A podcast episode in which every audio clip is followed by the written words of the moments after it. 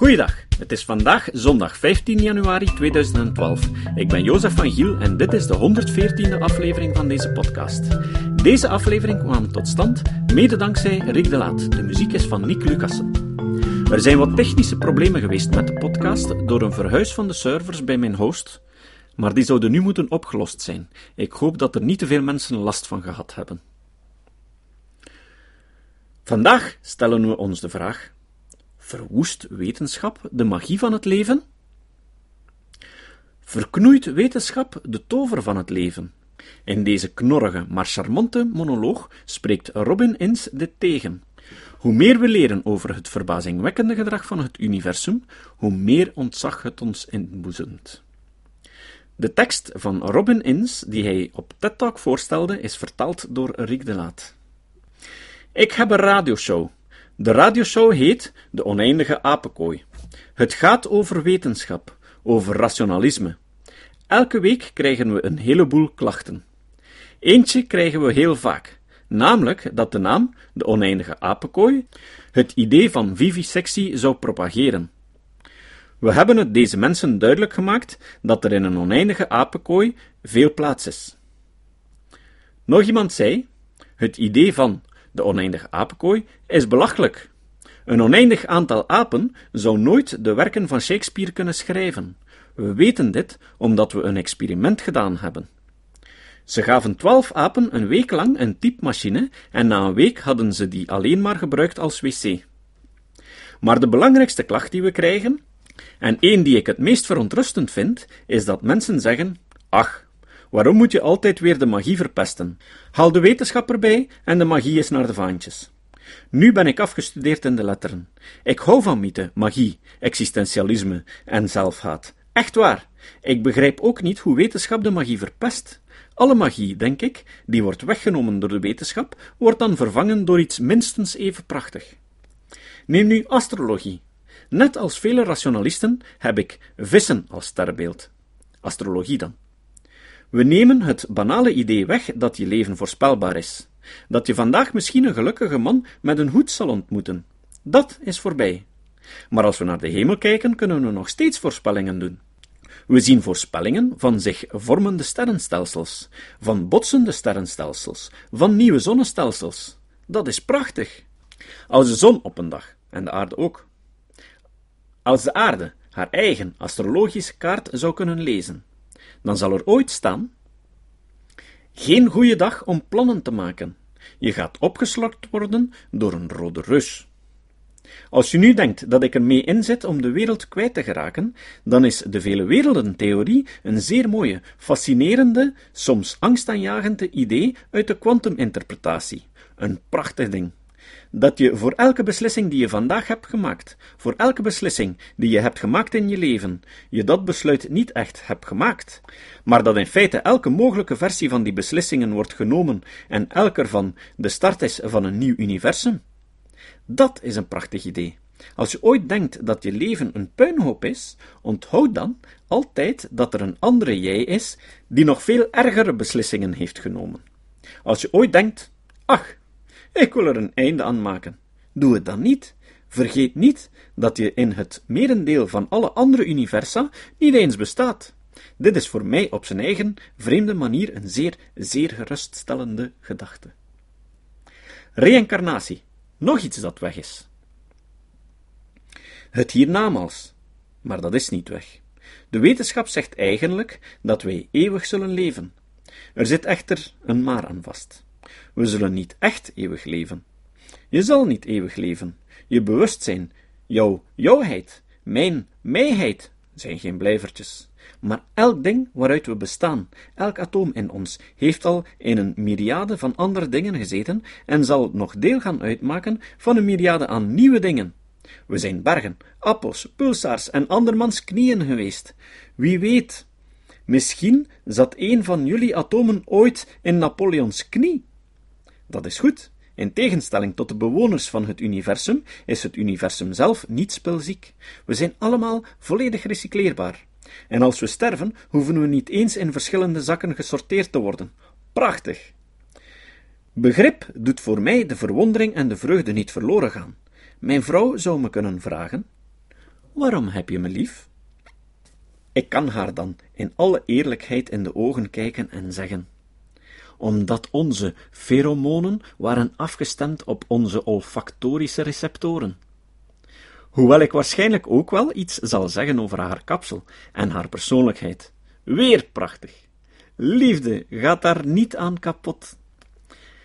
Maar pijn gaat er ook niet mee over. Het is iets vreselijks, ook al begrijp ik waar het vandaan komt.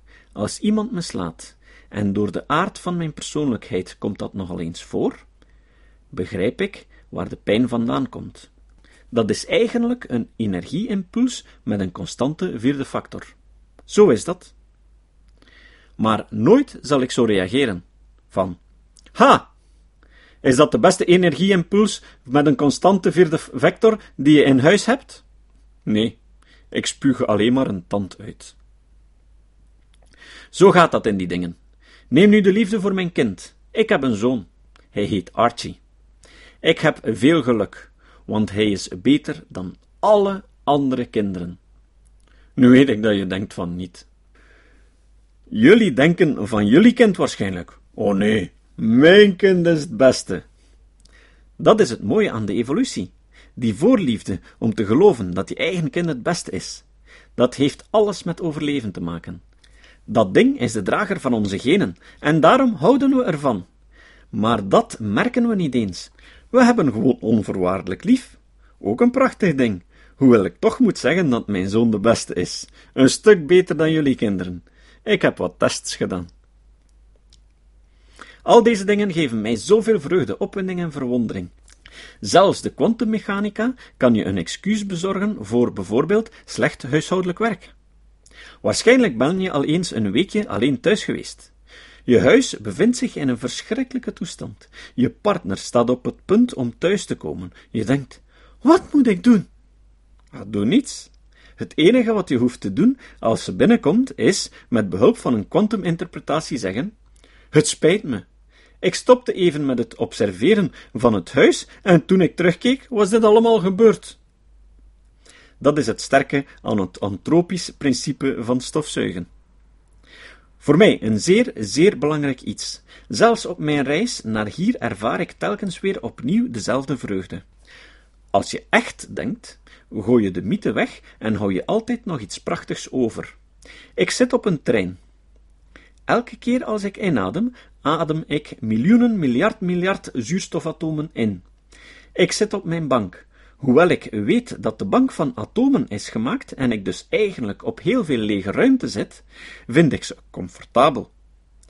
Ik kijk uit het raam en ik realiseer me dat elke keer dat we stoppen en ik uit het raam kijk, ik, waar we ook zijn, ingelijst in dat venster, meer leven observeer dan er is in de rest van het bekende universum buiten de planeet Aarde. Als je naar safariparken op Saturnus of Jupiter zou gaan, zou je van een kale reis terugkomen. Ik realiseer me dat ik dit observeer met de hersenen, het menselijke brein, het meest complexe ding van het hele bekende universum. Dat is voor mij iets ongelooflijks. Dat zou genoeg moeten zijn.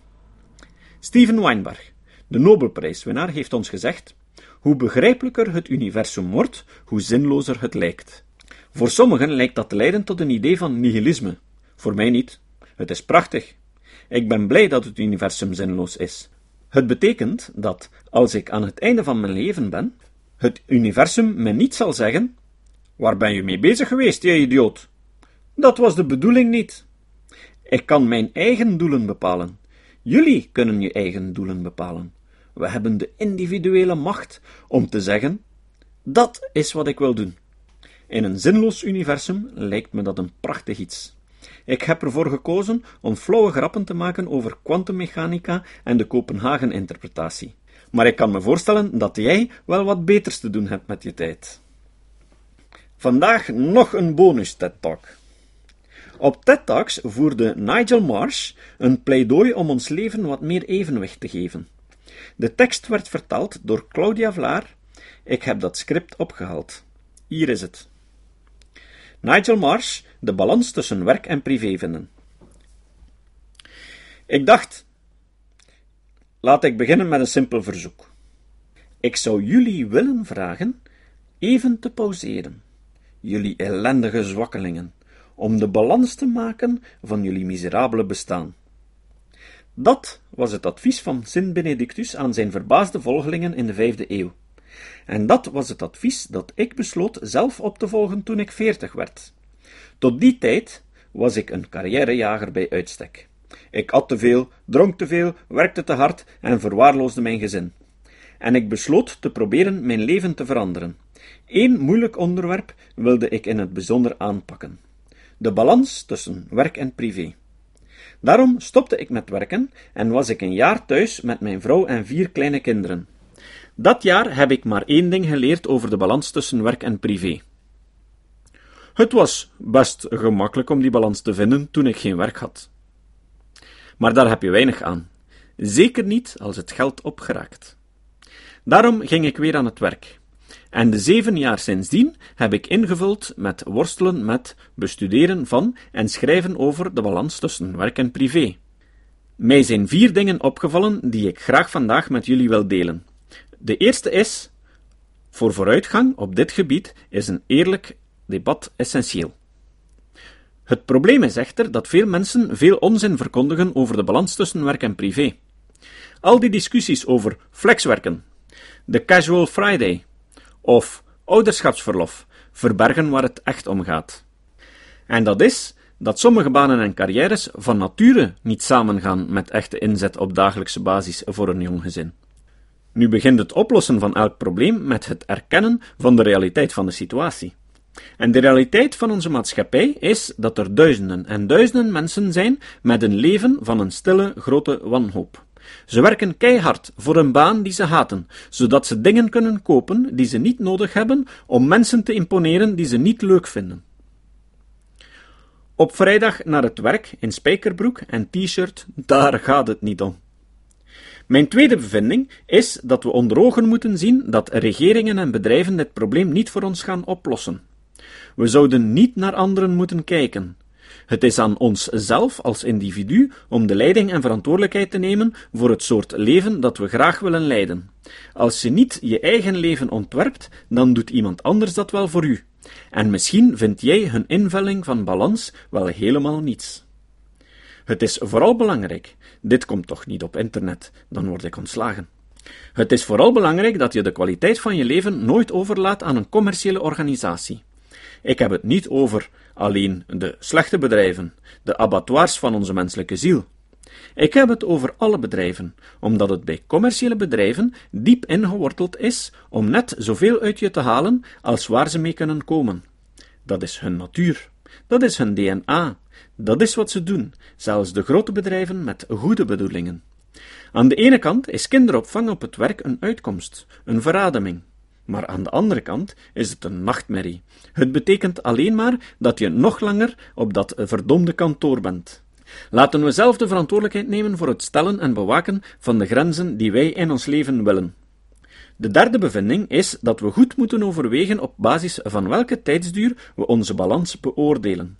Omdat ik weer aan het werk ging na mijn jaar thuis, ben ik eens gaan zitten om een stapsgewijze beschrijving te maken van de ideaal gebalanceerde dag waar ik naar streefde.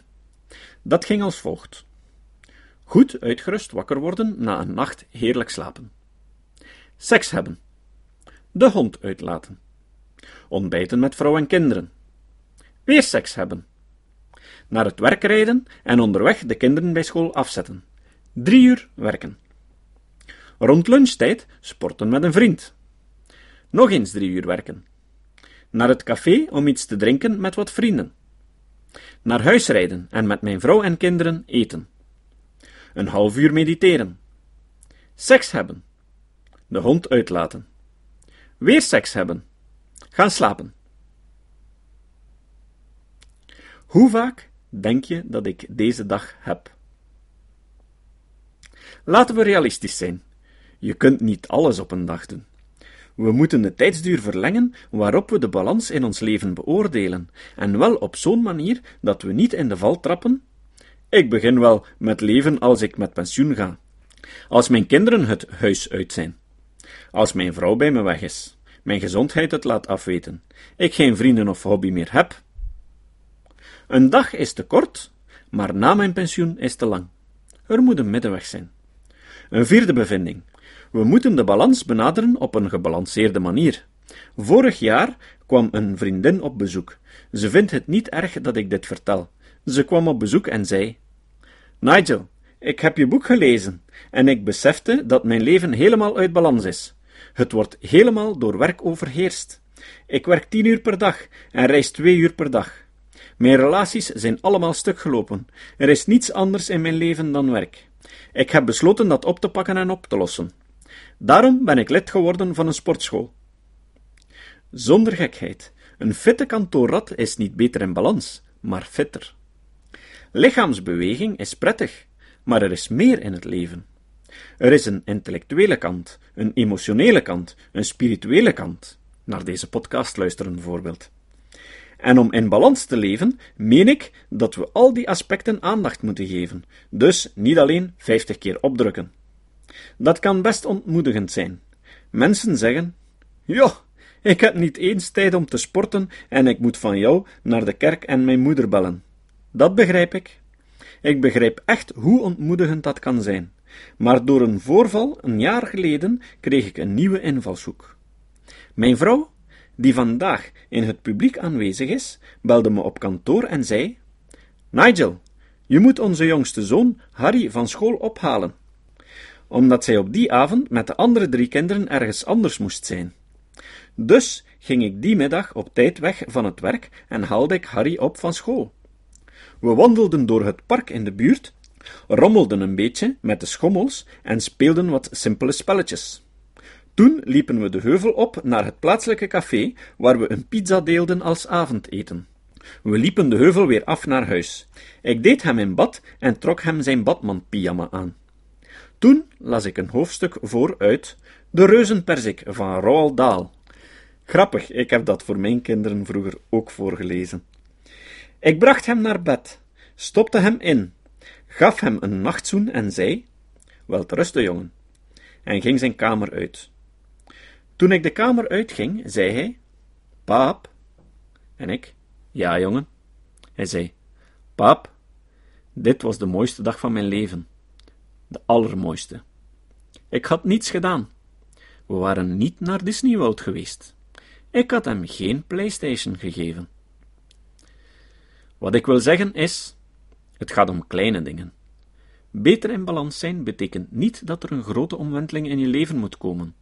Met kleine inspanningen op de juiste gebieden kan je de kwaliteit van je relaties en van je leven radicaal veranderen. Sterker nog, ik denk dat dat de maatschappij kan veranderen. Want als maar genoeg mensen dit doen, kunnen we de definitie van succes veranderen. Het oerstomme, simplistische idee dat wie het rijkste sterft de winnaar is, moet veranderen naar een verstandiger en meer gebalanceerde definitie van hoe goed een geleefd leven eruit ziet. En dat vind ik een idee dat het waard is om verspreid te worden. Het citaat. Het citaat van vandaag is niet echt een citaat, maar meer een uitdrukking. Het heet Het scheermes van Hanlon. Het is niet helemaal duidelijk waar het vandaan komt, maar de gelijkenis met het scheermes van Ockham, dat ik in de zeventiende aflevering van deze podcast al voorstelde, is tamelijk voor de hand liggend. Hier is Hanlons scheermes. Schrijf nooit aan kwaad opzet toe wat afdoende verklaard wordt door stomzinnigheid. Tot de volgende keer. Dit was de podcast Kritisch Denken. Vergeet niet om alles kritisch te behandelen, ook deze podcast. Voor verdere informatie over deze podcast, links en voor de tekst, surf naar www.kritischdenken.info. Als je deze podcast belangrijk vindt, kun je me steunen door anderen warm te maken ook eens te luisteren. Stuur een e-mail naar vrienden met een link naar de website en plaats de link in de handtekening van je e-mails. Tevens kun je op iTunes deze podcast een beoordeling geven of een recensie schrijven. Of je kan op je eigen website of blog een link naar kritisch denken plaatsen.